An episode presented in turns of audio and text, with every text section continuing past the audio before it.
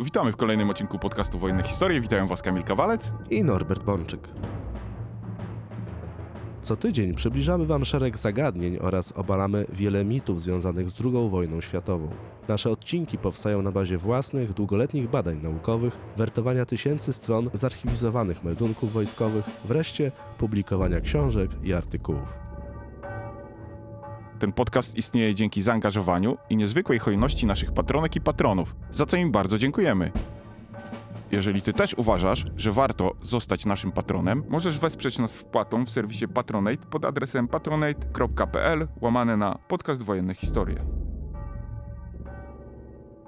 Norbert, chciałbym dzisiaj z Tobą porozmawiać o bitwie pod Lenino. Przez wiele dziesiąt lat święto Wojska Polskiego przypadało właśnie w rocznicę bitwy pod Lenino. Bitwa stała się symbolem, była takim kamieniem węgielnym dla całego ludowego Wojska Polskiego. I w związku z tym bitwa ta troszkę była owiana mrokiem propagandy. Ciężko ustalić, co tak naprawdę wydarzyło się pod tym Lenino. Czy ta bitwa była zwycięska, czy nie była zwycięska. Porozmawiajmy o tym. Można powiedzieć, Kamilu, temat bitwy pod Lenino, temat rzeka. Rzeczywiście w czasach PRL 例如12 października, to było święto Wojska Polskiego. Dodajmy Wojska Polskiego, bo to jest oficjalna nazwa. Ludowe Wojsko Polskie to jest nieoficjalna. W PRL-u było po prostu Wojsko Polskie, bez ludowe, natomiast dodawano to ludowe czasami, żeby podkreślić jakby związek sił zbrojnych, jak to mówiono, z ojczyzną robotników i chłopów. Zasadniczo w czasach stalinizmu wprowadzono tą datę, 12 października, w tym oficjalnym piśmie jakby wskazując, że tutaj cytat, torując sobie drogę do kraju, odniesiono zwycięstwo w pierwszej bitwie z najeźdźcą faszystowskim, czyli wzięto tą datę jako datę pierwszej bitwy wojska polskiego sformowanego w Związku Radzieckim na nowo, bo w Związku Radzieckim w czasie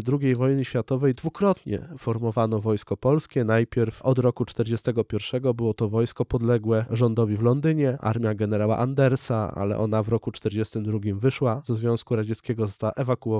Stalin nie protestował, w gruncie rzeczy nawet to pasowało radzieckiej koncepcji, dlatego że już wówczas na Kremlu rodziła się koncepcja, aby stworzyć własne wojsko polskie, aby stworzyć równoległy, konkurencyjny dla rządu w Londynie, w gruncie rzeczy całkowicie marionetkowy rząd polskich komunistów i w przyszłości w ramach budowania ładu powojennego przekształcić Polskę w państwo przyjazne Związkowi Radzieckiego, ergo w satelita Związku Radzieckiego w państwo, jak to się kiedyś mówiło, lenne. Stąd też tak ważna symbolika. Symbolika Lenino, bitwy ciężkiej, bitwy krwawej, bitwy niestety tragicznej, która zakończyła się dla walczących tam jednostek polskich masakrą i całkowitą klęską. Oficjalnie mówiono w propagandzie, że to było zwycięstwo, że to był sukces, tylko nie potrafiono w szczegółach przedstawić, jak niby ten sukces miał wyglądać. No, w opracowaniach naukowych już bardziej trzeźwo mówiono, że nie był to sukces, nie było to zwycięstwo, ale to było ważne, że jest pewna taka od tej pierwszej krwi pod Lenino aż do zwycięstwa w Berlinie w 1945 roku. Tylko, że jak to w systemie radzieckim było, nie można było powiedzieć prawdy. Prawda była antypaństwowa, bo mówienie prawdy godziło w system. No i tak samo było właśnie w przypadku bitwy pod Lenino. Ona musiała być w dużej mierze zakłamana i ona zresztą była zakłamana na bardzo wielu różnych płaszczyznach, dlatego że po prostu było wiele niewygodnych zdarzeń, dezercje, ucieczki, paniki, rozstrzeliwanie jeńców, które nie mogły wejść do oficjalnego kanonu, mimo że były to żywe wspomnienia wśród kombatantów. W 2003 roku, jak ja miałem okazję rozmawiać z niektórymi kombatantami spod Lenina, no to ich sposób opowiadania o tej bitwie zupełnie rozjeżdżał się z jakąkolwiek narracją, i tą komunistyczną, i tą po 89 roku. Znaczy, ani ta nie pasowała, ani tamta nie pasowała. Bo mamy taką tendencję, w PRL-u było, można mówić tylko o bitwie o Lenino dobrze, po 89 roku nastąpiło przegięcie w drugą stronę, zaczęto o tej bitwie mówić tylko źle i zaczął się taki spór w ogóle o to, czy to wojsko, które szło ze wschodu, to ma prawa kombatanckie. To jest poważny spór historyczny, on też ma wydźwięk polityczny, bo to było takie wojsko rzeczywiście, że prosty żołnierz to był żołnierz polski. To byli często ci ludzie, którzy, jak się mówiło, nie zdążyli do Andersa. Wyciągali z łagrów, z więzień, z fabryk, z Armii Czerwonej. I to było tak, że tych ludzi, jeszcze często młodych, czasami nawet nastolatków, wywieziono gdzieś do Związku Radzieckiego w 39, 40, 41 roku w ramach wielkich wywózek, a potem w 42 roku nie puszczono puszczono ich do Andersa, nie puszczono ich do armii, która się formowała polskiej. I oni dopiero w 1943 roku dostawali zgodę, że już nie będą pracować kopalni, nie będą już brali udziału w wyrębie lasu, tajgi, tylko mogą iść do tego nowego wojska polskiego pod egidą Związku Patriotów Polskich, czyli już do tego wojska komunistycznego, gdzie obowiązywała zasada, że wojsko musi być kontrolowane, no to oficerowie, kadra oficerska musi być z Armii Czerwonej, czyli tak naprawdę większość dowódców szczebla dywizji, pułku, do batalionu włącznie, to byli po prostu oficerowie Armii Czerwonej delegowani na rozkaz o polsko brzmiących nazwiskach, często o polskich korzeniach, często nawet rzeczywiście pochodzenia polskiego, ale delegowani z Armii Czerwonej. Czy ci Rosjanie, którzy trafiali do Wojska Polskiego, tak jak głosi legenda, byli to najgorsi żołnierze z Armii Czerwonej, których Armia Czerwona nie chciała i spychała ich po prostu do Wojska Polskiego? No to jest, Kamilu, bardzo dobre pytanie. Ja osobiście uważam, że to nie było tak jednoznacznie, że wysyłano najgorszych. No, był rozkaz wysyłać ludzi o polskich nazwiskach, o pochodzeniu polskim i to było jakby główne kryterium, a nie to, że to byli jacyś najgorsi oficerowie, bo jak pokazała praktyka, no kadra była bardzo różna. Byli oficerowie przeciętni, byli beznadziejni, a było też kilku wybitnych, więc to był konglomerat bardzo różnych ludzi. Ja bym raczej w przypadku jednej dywizji nie stawiał takiej tezy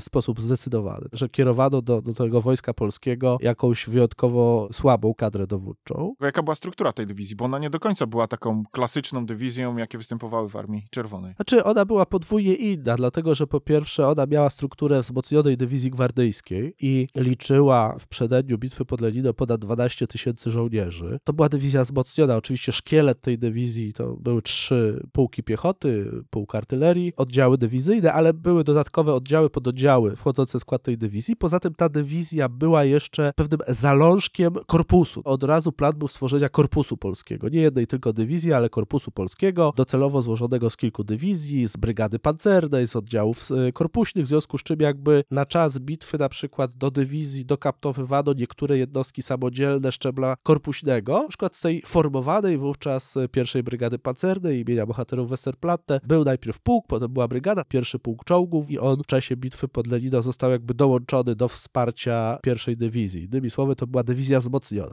I drugą różnicą było to, w porównaniu do walczących obok dywizji strzeleckich Armii Czerwonej, to, że one były w boju już od dłuższego czasu, więc były wyczerpane, były tymi klasycznymi radzieckimi dywizjami strzeleckimi, gdzie liczba żołnierzy to łącznie wszystkich to było 4-5 tysięcy ludzi. Ta dywizja polska miała ich ponad 12 tysięcy i jedna ta dywizja była ponad dwukrotnością klasycznej wówczas dywizji strzeleckiej Armii Czerwonej na froncie, bo oczywiście etatowo radzieckie dywizje były równie liczne jak, albo prawie równie liczne jak ta dywizja polska, nawet liczniejsze, ale w praktyce były dwójpółkrotnie słabsze. Czyli na przykład jeżeli w bitwie pod Lenino dywizja nasza miała le na lewej flance 290 dywizję strzelecką, a po prawej flance 42 dywizję strzelecką, to te dywizje Armii Czerwonej one miały po 4-5 tysięcy żołnierzy, podczas gdy właśnie, jak powiedziałem, wzmocniona pierwsza dywizja piechoty imienia Tadeusza Kościuszki, ona miała tych żołnierzy ponad 12,5 tysiąca. Problem polegał na tym, że jednostka była niezwarta wewnętrznie. Po pierwsze dlatego, że większość ludzi szeregowych,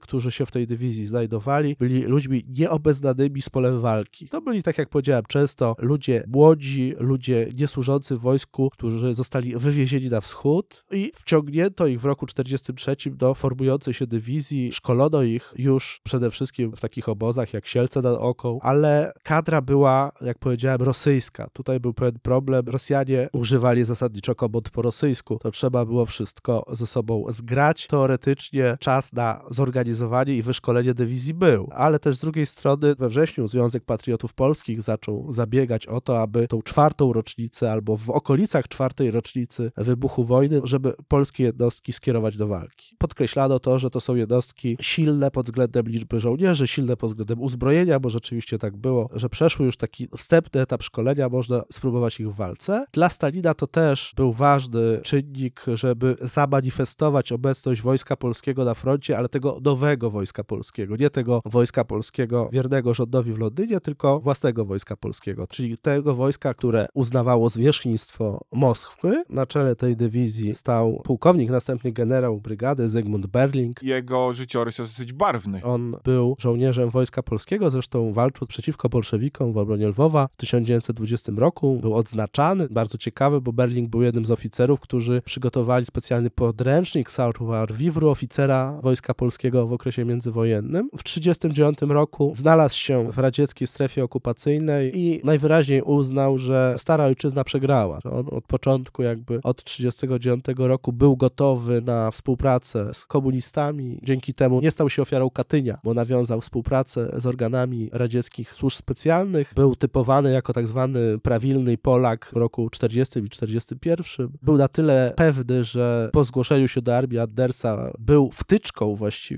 czerwonych w tejże armii. Potem, kiedy ta armia ewakuowała się ze Związku Radzieckiego, on się oczywiście nie ewakuował. Dzięki temu stopniowo piął się na szczeblach kariery w nowo tworzonym Wojsku Polskim. Został właśnie dowódcą dywizji, mimo że nie miał ku temu stosownego wykształcenia, ani tym bardziej doświadczenia frontowego. No ale został wyznaczony dowódcą dywizji, on potem będzie stopniowo awansował aż do dowódcy armii. To była dla komunistycznej propagandy postać o tyle wygodna, że był to oryginalny, rzeczywisty, przedwojenny oficer Wojska Polskiego, ale on nie nadawał się na to stanowisko. Z drugiej strony nie był też aż takim dyletantem, jak próbuje się go czasami przedstawiać. Znaczy, klęska w bitwie pod Lenino była duża, ale byłaby jeszcze większa, gdyby Berlik nie sprzeciwił się dowódcy armii, generałowi Wasilijowi Gordowowi, który żądał dalszego wysiłku, dalszego natarcia tej dywizji w 13 października, drugiego dnia natarcia, natomiast Berlik uznał, że już jest po wszystkim i zabronił wykrwawienia i zniszczenia dywizji do końca, więc no, jest to postać z punktu widzenia historii naszego państwa jednoznacznie negatywna, natomiast z punktu widzenia prostego żołnierza armii polskiej na wschodzie niekoniecznie. Znaczy prości kombatanci, żołnierze polscy mieli o nim niejednoznaczną opinię.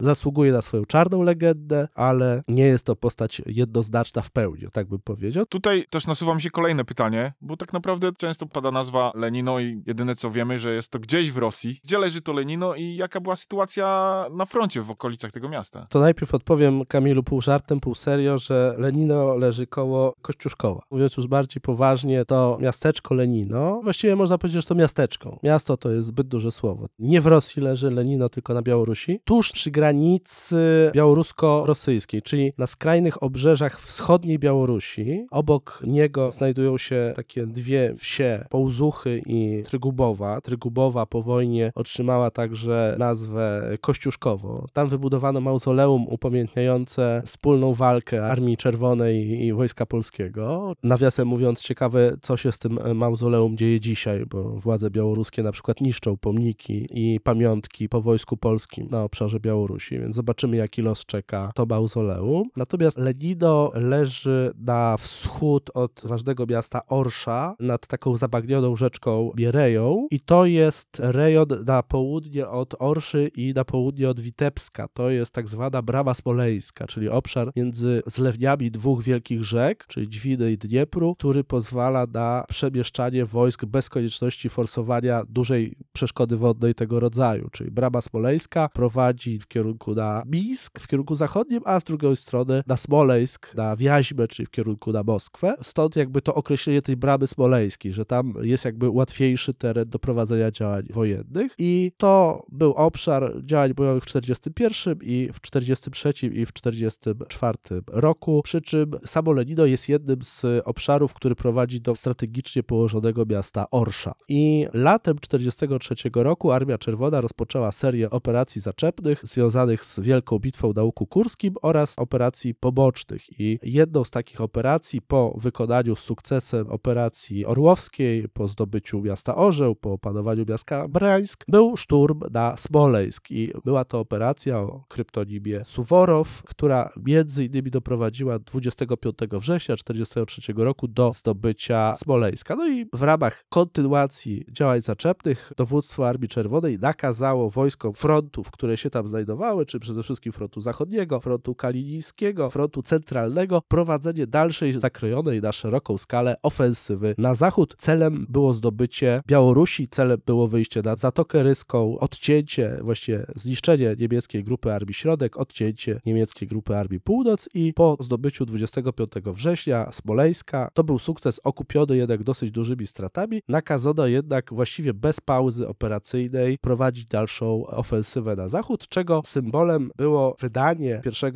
października 1943 roku tak zwanej dyrektywy 30210. Tej dyrektywie 30-210 nakazywano wojskom frontu zachodniego, wojskom frontu kalinickiego, potem wojskom też frontu centralnego, brańskiego prowadzić wielką, zakrojoną na szeroką skalę operację, skutkiem czego było ostatecznie opanowanie całej Białorusi, tak naprawdę dojście do państw nadbałtyckich, dlatego że każdy z tych frontów otrzymał cel dalszy, cel zasadniczy operacji. Dla jednego frontu to była Ryga, dla drugiego frontu to było Wilno, dla trzeciego frontu to był Mińsk, stolica Białorusi. Tak więc widzimy, że tego 1 października 1943 roku w tej dyrektywie 30-210 to były dalekie cele. Część wojsk radzieckich miała wielkie cele na Ukrainie, a część Armii Czerwonej prowadziła równolegle ofensywę na Białoruś, tylko historia potoczyła się tak, że cele na Ukrainie zasadniczo osiągnięto, a tych celów na Białorusi zasadniczo w ogóle nie osiągnięto. To znaczy Ryga, Wilno, Mińsk pozostały mimo planów z 1 października 1943 roku na wiele, wiele miesięcy niedoścignionym marzeniem. To znaczy Armia Czerwona odbiła się od pozycji niemieckiej na granicy rosyjsko-białoruskiej i się odbijała tak październik, listopad, grudzień 1943 roku, potem styczeń, luty, marzec, kwiecień 1944 roku. To było takie 7 miesięcy bicia głową w mur, mimo koncentracji dużych sił. No po prostu Armia Czerwona nie była w stanie w tych warunkach terenowych, w tych warunkach pogodowych pokonać wojsk Grupy Armii Środek, które broniły się bardzo skutecznie i tak naprawdę za cenę olbrzymich strat Rosjanie niewiele osiągnęli. To była klęska założeń ofensywnych. To było na tyle upokarzające, że jak potem wiele lat później amerykański znany historyk wojskowości zajmujący się frontem wschodnim David Glantz pisał o tych działaniach, to on nadał swojej książce taki bardzo wymowny tytuł Bitwa o Białoruś. Zapomniana kampania Armii Czerwonej. Październik 43, kwiecień 44. Chodzi o to, że historiografia radziecka lubiła mówić tylko o operacjach, które zakończyły się sukcesem, a fałszowała lub przemilczała operacje, które zakończyły się klęską. Przyznanie tego, że już po Moskwie, po Stalingradzie, po Kursku można było miesiącami bić głową w mur, no było bardzo nieprawilne. W związku z czym postanowiono troszeczkę zapomnieć o tym wszystkim i bitwa pod Lenino była elementem tej, nazwijmy to może nie katastrofy, ale tej porażki w wymiarze operacyjnym, a tak naprawdę w ocenie samych Rosjan, jak oni analizowali to wszystko, bo skończyło się ostatecznie tym, że leciały głowy, to znaczy odwoływano dowódców za niepowodzenia. Kampania przełomu 43-44 na Białorusi była między innymi realizowana siłami frontu zachodniego, którym dowodził generał Sokołowski. I ten front zachodni miał w swoim składzie 33. armię generała Wasila Gordowa, która właśnie między innymi w październiku 43 roku biła się pod Lenino. I potem jak wiosną 44 roku podsumowano całą kampanię białoruską w Moskwie, to uznano, że operacja zakończyła się porażką, no bo nic nie osiągnięto. Nadal w Witebsku, w Mińsku, w Orszy, w Rydze, w Wilnie nadal są Niemcy, podczas gdy towarzysze na Ukrainie przegonili Niemców aż pod, można by powiedzieć, pod Lwów, pod Kowel, na granicę rumuńską, zdobyli w końcu Krym nawet, to tutaj nic się nie dzieje. Front nadal tkwi pod Lenino, między innymi. No i jak to wszystko podsumowano, to stwierdzono, że tacy towarzysze jak Sokołowski czy towarzysze Gordow się nie nadają po prostu na stanowiska. A jako punkt kulminacyjny uznano, że w ogóle największa katastrofa to była w październiku 1943 roku. Po sukcesie pod Smoleńskiem nie potrafiliście wyzyskać powodzenia, daliście nieprzyjacielowi wycofać się na pozycję umocnioną. Wał wschodni, zwany częściej linią Pantery. Bo trzeba zdawać sobie sprawę, że my mieliśmy pod tym Lenino podwójnego pecha. Nie tylko, że teren nam nie sprzyjał, bo musieliśmy nacierać w terenie silnie zabagnionym, w trudnych warunkach pogodowych, na wzgórzach, gdzie przeciwnik miał nad nami przewagę wzrokową, ale jeszcze na dodatek nacieraliśmy na umocnioną pozycję polową, tak zwaną linię Pantery, którą Niemcy budowali w 1943 roku na tyłach frontu wschodniego. O ile na przykład na Ukrainie nie zdążyli jej zbudować, zanim radzieckie czołgi nie przejechały przez nią, o tyle na Białorusi na tyle w wielu miejscach ją wznieśli, że zdołali się na nią wycofać po bitwie o Smoleńsk i my już wchodziliśmy na przeciwnika, który na nas czekał w umocnieniach polowych. W związku z czym to była masakra, dlatego że Armia Czerwona, jak to się często mówiło, no nie doceniła przeciwnika. Pozwoliła mu na odejście na kolejną linię obrony i przystępowała do natarcia bez właściwego przygotowania. To znaczy ze względu na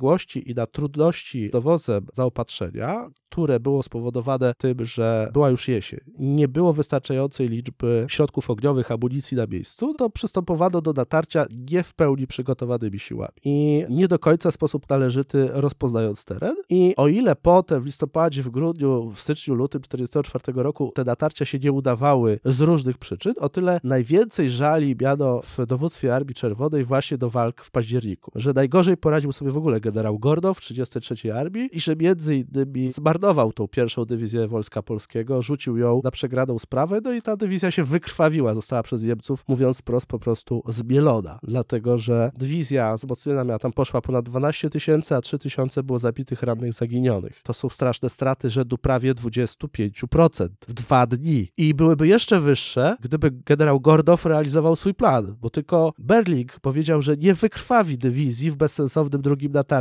skoro pierwsze zakończyło się kompletną katastrofą. Panowie generałowie się strasznie pokłócili. Sprawa była wyciszona, ona była jednak polityczna. Weszło do walki wojsko sojusznicze, więc to jest troszeczkę inaczej. Natomiast tu było tak, że wszyscy w Moskwie patrzyli, jak się ta polska dywizja naszych Polaków, w sensie podległych Kremlowi, spisze, a tutaj nie wyszło. A Stalin potrzebował informacji o sukcesie, albo przynajmniej o udziale w walce, bo zbliżała się konferencja w Teheranie i trzeba było pokazać, że on już ma swoich Polaków, że on już ma swoje wojsko polskie. Może jeszcze nie ma rządu, ale wojsko już ma, więc dla zachodnich polityków to już był jasny sygnał, patrzcie, ja już tu sobie montuję swój przyszły PRL. W związku z czym to było ważne politycznie zadanie i raczej bym powiedział, że dzięki temu Berling mógł się w ogóle po postawić dowódcy armii, bo inaczej to byłaby przecież niesubordynacja żebyśmy to mieli jasno wypunktowane czy jasno podkreślone. Armia Czerwona na początku października po sukcesie smoleńskim rozpędza się do nowej ofensywy. Celem jest zdobycie Białorusi, celem jest przełamanie linii Pantery i ta 33 armia... Bo pierwsza dywizja została przydzielona do tej 33 armii generała Gordowa. Tak, do tej 33 armii ona zostaje przydzielona w trakcie drugiej fazy operacji zaczepnej, dlatego że 33 armia, w ogóle front zachodni, tak wieloma różnymi armiami, tam naciera 31 armia, 21 armia, 33 armia na dosyć wąskich odcinkach prowadzą natarcie już od początku października. Tak naprawdę tam mamy trzy ofensywy frontu zachodniego w październiku. Pierwsza faza uderzenia to jest między 13 a 11 października, druga faza uderzenia to jest między 12 a 18 października, a potem jeszcze między 21 i 26 października wojska frontu zachodniego podejmują wysiłki przełamania linii Pantery i wszędzie to będzie zupełnie nieudana operacja. Więc my, pierwsza dywizja piechoty imienia Tadeusza Kościuszki, my wchodzimy w jedną z tych trzech bitew, w tą środkową, powiedzmy najbardziej dramatyczną między 12 a 18 października i my tam występujemy epizodycznie. Wchodzimy, mamy dokonać wyłomu, nie udaje się, okazuje się, że dywizja jest niepewna, zostaje wycofana, natychmiast zastąpiona dywizjami radzieckimi, one dalej walą głową w mur. Musimy sobie wyobrazić, że nam się przez cały miesiąc toczy gigantyczna bitwa, dziesiątki tysięcy zabitych rannych, a my jesteśmy tam epizodycznie, po prostu występujemy przez 2-3 dni, bo nasza dywizja de facto wychodzi na pozycję wyjściową, to jest 11 października, 12-13 października to jest bitwa pod Lenino, w nocy z 13 na 14 października luzują nas już dwie dywizje strzeleckie radzieckie, w związku z czym 72 godziny pod Lenino, 72 godziny klęski, zero efektów, 3000 zabitych, rannych, zaginionych i do tyłu. Zastępując ją Rosjanie osiągnęli podobnie mizerne skutki. No, oni osiągnęli jeszcze mniejsze skutki niż my. Znaczy, chodzi o to, że pierwsze to natarcie 3-11 października, ono nie daje rezultatów, więc Armia Czerwona stwierdza, że no, pościg się skończył, musimy zmontować o wiele silniejsze uderzenie. I na wąskim odcinku, gdzie między innymi leży Lenino, koncentrują się wojska 33 Armii. Tam się koncentruje kilka dywizji strzeleckich Armii Czerwonej, kilka korpusów. Wchodzi pierwsza dywizja piechoty, polska, wzmocniona między innymi pierwszym pułkiem czołgów. W ogóle 33 Armia korzysta ze wsparcia dużej ilości radzieckiej artylerii, tylko problem polega na tym, że ta artyleria ma problemy z amunicją. Znaczy ma jej dużo, ale nie na tyle dużo, żeby według regulaminów skutecznie obezwładniać pozycje polowe umocnione przeciwnika. Dlatego, że dowóz szwankuje ze względu na jeszcze niepodciągnięte linie kolejowe, oparty to jest na dowóz samochodowy, konny, dowóz grzęźnie w błocie, bo mamy październik, mamy tą Rasputicę, ale trzeba prowadzić operację zaczepną. Przeciwnikiem są wojska niemieckie grupy Armii Środek, konkretnie czwarta armia i w ramach tej czwartej armii mamy 39 Korpus Pancerny. De facto korpus armijny, no ale z nazwy Korpus Pancerny i naprzeciwko pierwszej dywizji piechoty znajdują się pododdziały 337 Dywizji Piechoty Niemieckiej. To jest dywizja bawarska. Jej dowódcą jest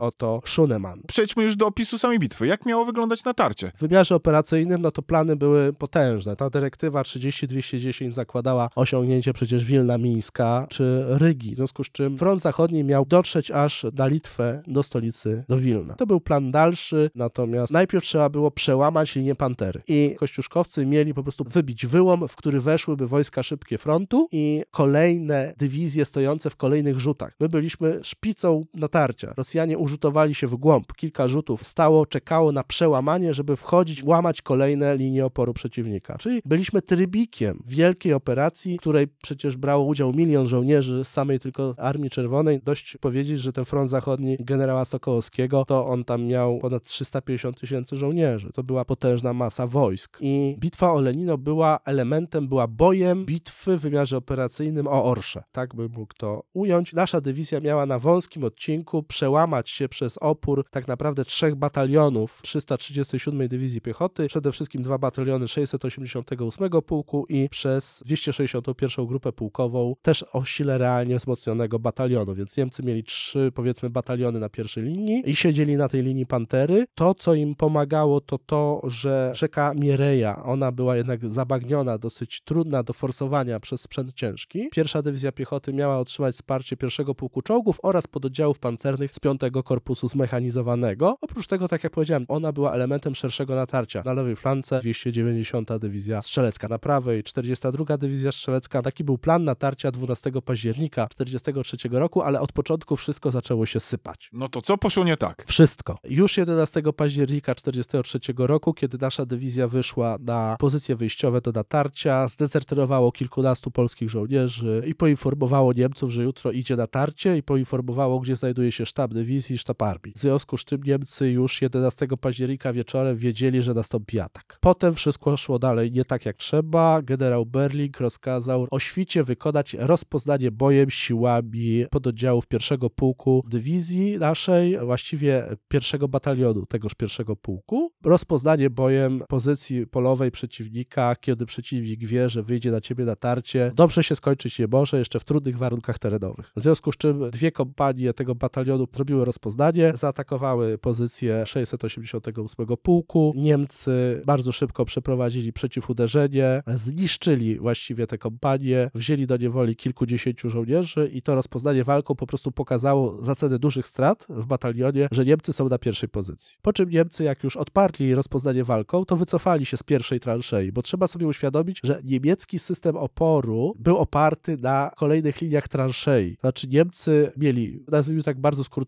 pierwszy okop i drugi okop, które były jakby podstawą elementu ich systemu obrony, ale mieli też pozycje na przedpolu i pozycje tyłowe. W związku z czym, jak zdobyłeś pierwszy okop, to kilkaset metrów dalej znajdował się drugi, który musisz opanować. Rowy dobiegowe, rowy łącznikowe łączyły ze sobą czasami te okopy, ale to było wszystko w strefie broni maszynowej i moździerzy. W związku z czym Niemcy tak budowali swoje umocnienia, żeby móc elastycznie się na nich bronić, cofać się, kontratakować i zdali tą pozycję. A my szliśmy w teren zupełnie nam nieznany, nierozpoznany.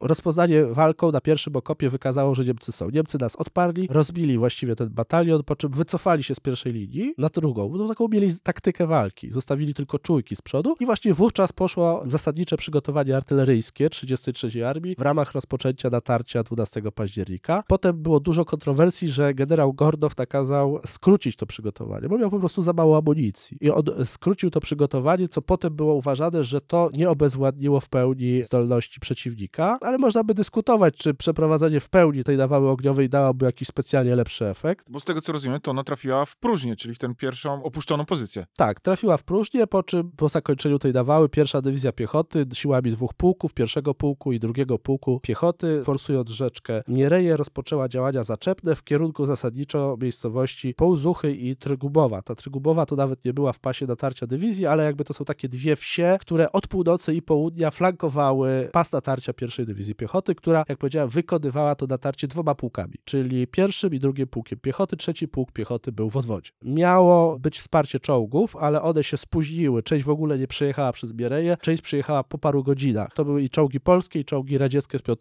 Korpusu Zmechanizowanego z 233 Brygady Pancernej. No i dwa polskie pułki przeprowadziły gwałtowne natarcie, wbiły się w pozycję 688 Pułku Nieprzyjaciela w pasie jego drugiego i trzeciego batalionu. I można by powiedzieć, pierwsze wrażenie można zrobić tylko raz. I to jest troszeczkę tak z takim też szturmem. Pierwsze uderzenie zawsze jest najbardziej gwałtowne. Niemcy z początku nie wytrzymali. Natarcie dwóch pułków dało efekt e, przede wszystkim w rejonie tej wsi Połzuchy. Myśmy się wbili na mniej więcej kilometr, półtora kilometra w tą pozycję niemiecką, opanowaliśmy pierwszą transzeję, ale nie opanowaliśmy w pełni drugiej. Niemcy zatrzymali natarcie pierwszej dywizji piechoty na swojej drugiej pozycji obronnej, no i jak to Niemcy e, po pewnym czasie odpowiedzieli niezneutralizowanymi własnymi środkami ogniowymi i zaczęli przechodzić do coraz bardziej gwałtownych kontrataków. Około 12 w dzień warunki pogodowe dały możliwość pełnej projekcji lotnictwa i okazało się, że zmasowane uderzenie lotnicze wyszło na pierwszą dywizję piechoty. Rosjanie meldowali kilkaset samolotolotów tego dnia, więc to było bardzo duże natężenie działań lotniczych. Więc pierwsza dywizja piechoty nagle dostała się pod ogień artylerii przeciwnika, nie dołamała jego pozycji obronnej. Niemcy zaczęli kontratakować, w tym kontratakować piechotą przy wsparciu dział szturmowych. Myśmy właściwie nie opanowali tej wsi Trygubowa. Stamtąd dostawaliśmy ogień flankowy. O półzuchy trwała walka, ta wieś przechodziła z rok do rok. Niemcy po godzinie 12 przeszli już do zmasowanego przeciwuderzenia, też obchodzili nas ze skrzydeł, przenikali też jarami między pozycjami polskich kompanii, polskich batalionów. To wszystko zaczęło powodować, że zwłaszcza pierwszy pułk piechoty nie wytrzymywał tego. Zaczął się cofać, zaczął się chwiać i w godzinach popołudniowych pierwszy pułk piechoty właściwie ze względu na poniesione straty rozsypał się. Miejscami niektóre kompanie się poddawały, niektóre wycofywały się na tyły. Zapanował chaos. Drugi pułk walczył trochę lepiej, ale konkludując, wykonaliśmy uderzenie, które okazało się nieudane. Wbiliśmy się na półtora kilometra w pozycję nieprzyjaciela. Dywizje strzeleckie Armii Czerwonej w ogóle nie uzyskały przełamania, w związku z czym myśmy zostali oskrzydleni z trzech stron, z północy, południa i frontalnie. Strefa natarcia była płytka, to 2 km na 2 km góra, w związku z czym była przestrzeliwana przez artylerię, broń maszynową przeciwnika. Przeciwnik zaczął wykonywać przeciwuderzenia,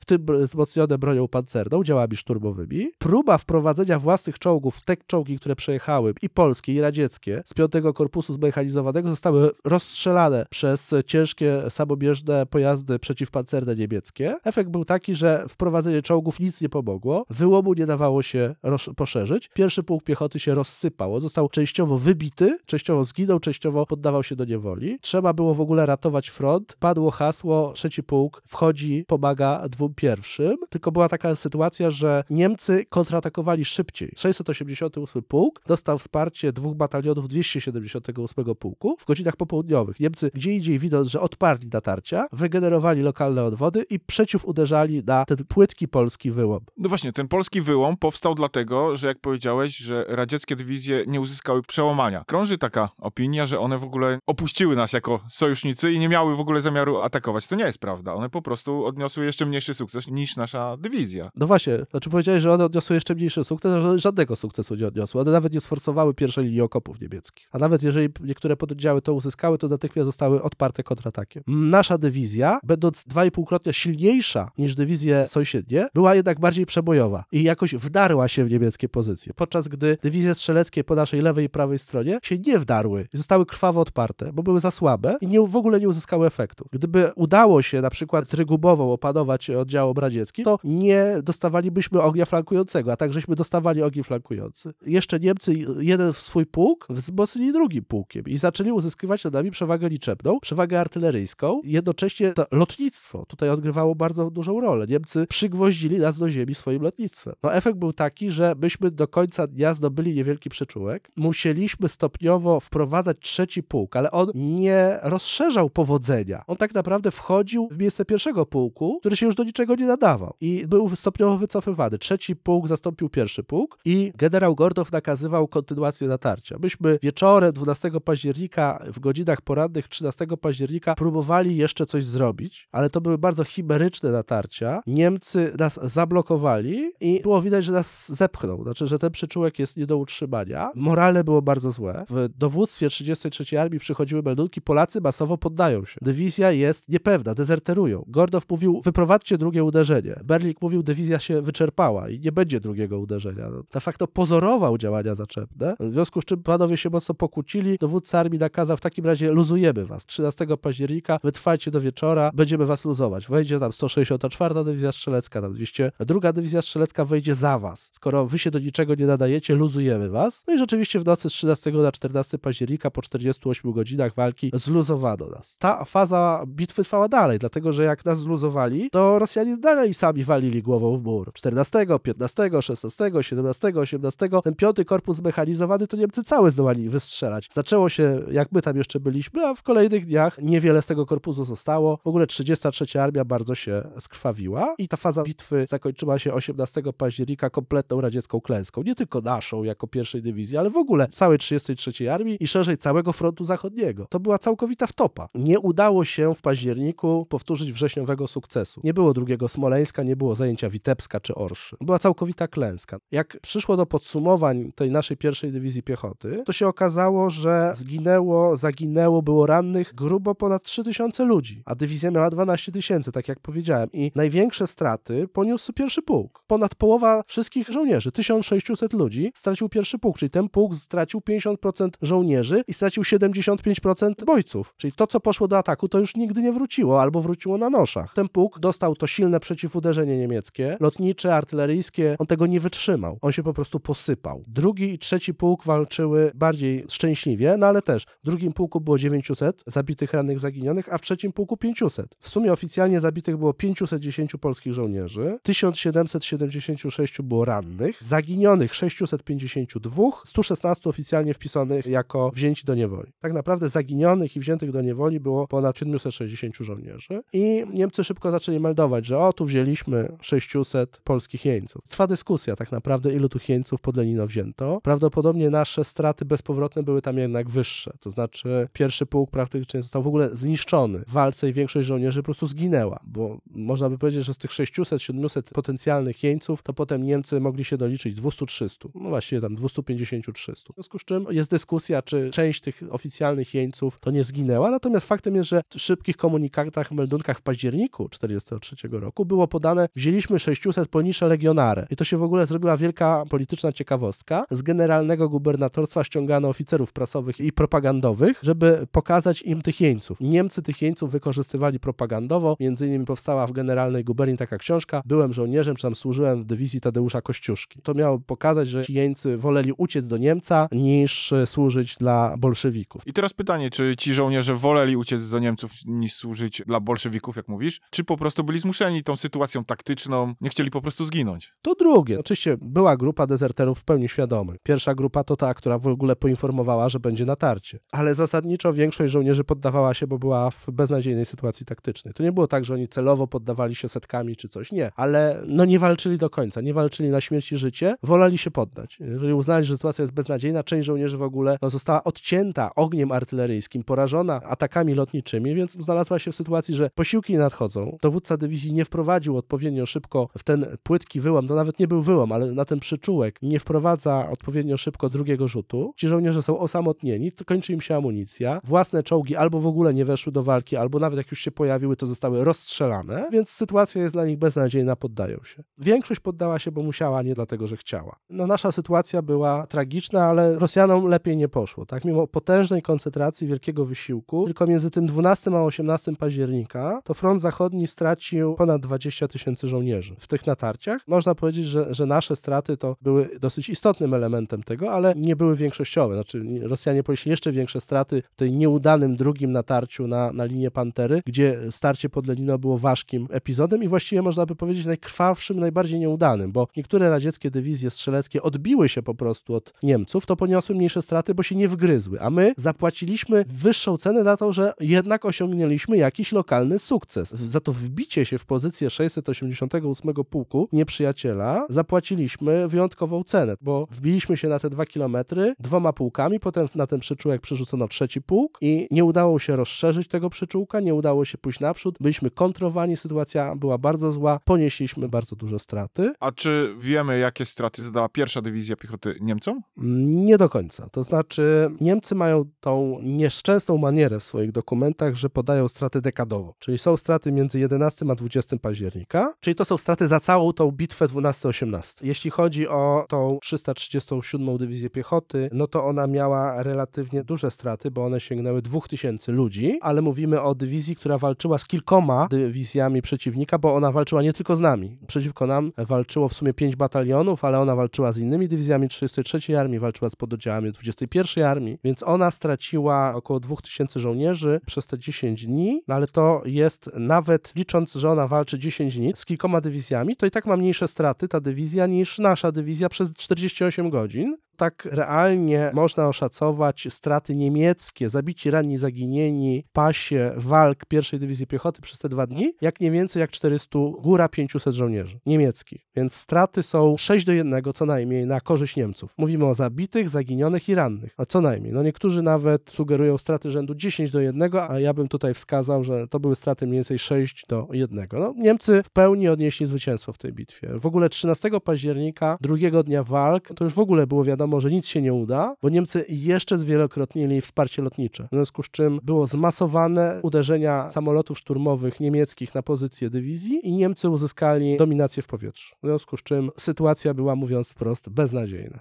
Dzisiaj, jak patrzymy na bitwę pod Lenino, to ona jest nietypowa, dlatego że to jest jedna z tych nielicznych bitew, nad którymi cały czas trwają prace naukowe. W PRL-u bitwa pod Lenino musiała być zbitologizowana. Nie można było powiedzieć o niej prawdy, do tego stopnia, że historycy PRL z Wojskowego Instytutu Historycznego badali niemieckie dokumenty, ale to, co na przykład tam znajdowali, nie mogli tego opublikować. Czyli na przykład było widać, że bitwa była straszliwą klęską i było widać, jak Niemcy nas po prostu kawałek po kawałek rozszarpali. Ale to, jak ta bitwa wyglądała z niemieckiego punktu widzenia, to do literatury przedmiotu weszło dopiero w XXI wieku dzięki publikacjom Roberta Wróblewskiego. On jako pierwszy wziął niemieckie dokumenty i napisał dwuczęściowy artykuł o bitwie pod Lenino z niemieckiej strony. Współcześnie mamy jednego historyka, który wybija się jako absolutny lider badań nad bitwą pod Lenino. I to jest pan Kamil Anduła, który zresztą nawet zrobił doktorat z działań 5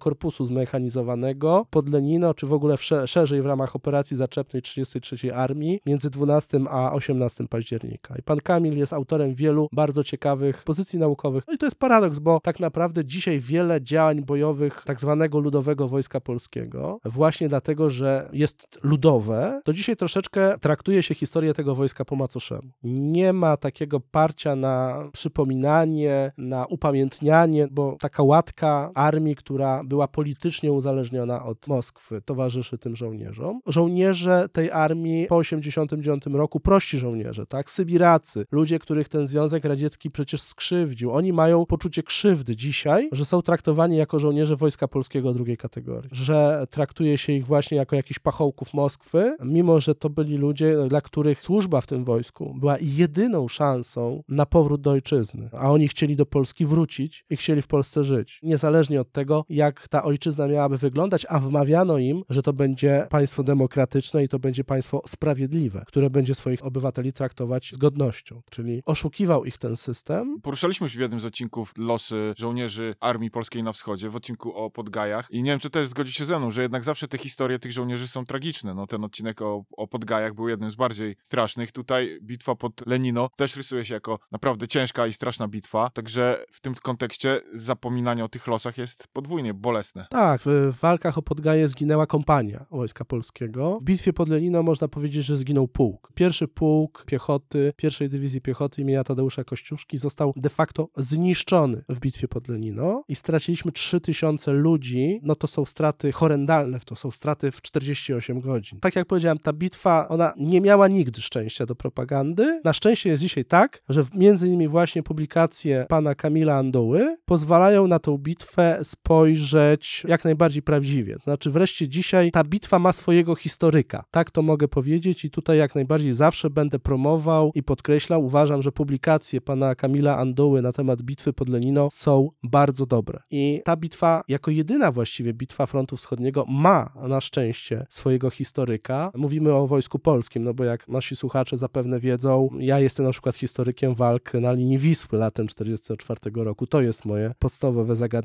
badawcze. Może tak jeszcze na koniec tej narracji o bitwie pod Leninem, ja powiem, że ona zawsze była niejednoznaczna w wielu aspektach. Na przykład nie można było w oficjalnej publicystyce czasów PRL pisać o tym, że żołnierze polscy, a zwłaszcza polskie e, kobiety, tam był cały batalion tak zwanych platerówek, batalion kobiecy. Ten batalion kobiecy był przeznaczony do pilnowania jeńców. Tam wzięto do niewoli około nie mniej niż 100 żołnierzy niemieckich i te kobiety, większość tych Niemców rozstrzelały. Tego nie można było mówić w PRL-u. Po czasach PRL-u zostały tylko już dokumenty, które nie pokazywały, dlaczego do tego doszło. Bo są meldunki, na przykład nasze czy radzieckie, że platerówki rozszczliwują jeńców niemieckich. Natomiast ja na początku XX wieku miałem tą okazję rozmawiać z kombatantami z Podlenino i oni żywo zapamiętali właśnie ten epizod, który oficjalnie nie występuje w żadnej literaturze, ale on jest, jak cała bitwa, bardzo niejednoznaczny i nietypowy. Bo dlaczego one rozstrzelały tych Niemców? To nie było tak, że one chciały ich zabić. One były konwojentkami. Otrzymały rozkaz w warunkach ostrzału nieprzyjacielskiego wyprowadzić tych stu Niemców na tyły i bały się tego wszystkiego. W związku z czym kazały im iść zwartą kolumną. Nie było przestoju, wychylania się czy cokolwiek takiego. I to są warunki frontowe. Nie da się przy ostrzale moździerzowym tak po prostu jeńców w szeregu jak na paradzie wyprowadzić z pola bitwy. Każdy Niemiec, który odstawał, spóźnił się albo przestraszył się, upadł gdzieś na bok, albo nawet próbował uciekać, był natychmiast zabijany. To był taki marsz śmierci. Część tych Niemców próbowali iść tak, jak one kazały i przeżyła ten marsz, a część nie. Potem ci kombatanci, jak ze mną rozmawiali, to mówili, że ci Niemcy, którzy do nich doszli, to ich wręcz całowali po nogach, że udało im się żywem dojść i żeby już od tych platerówek ich zabrać. Bo to był taki koszmarny epizod wojenny, ale to nie była celowa zbrodnia wojenna. Tylko to była taka sytuacja, że strzelano do każdego, kto się zachowywał nie tak, jak było w,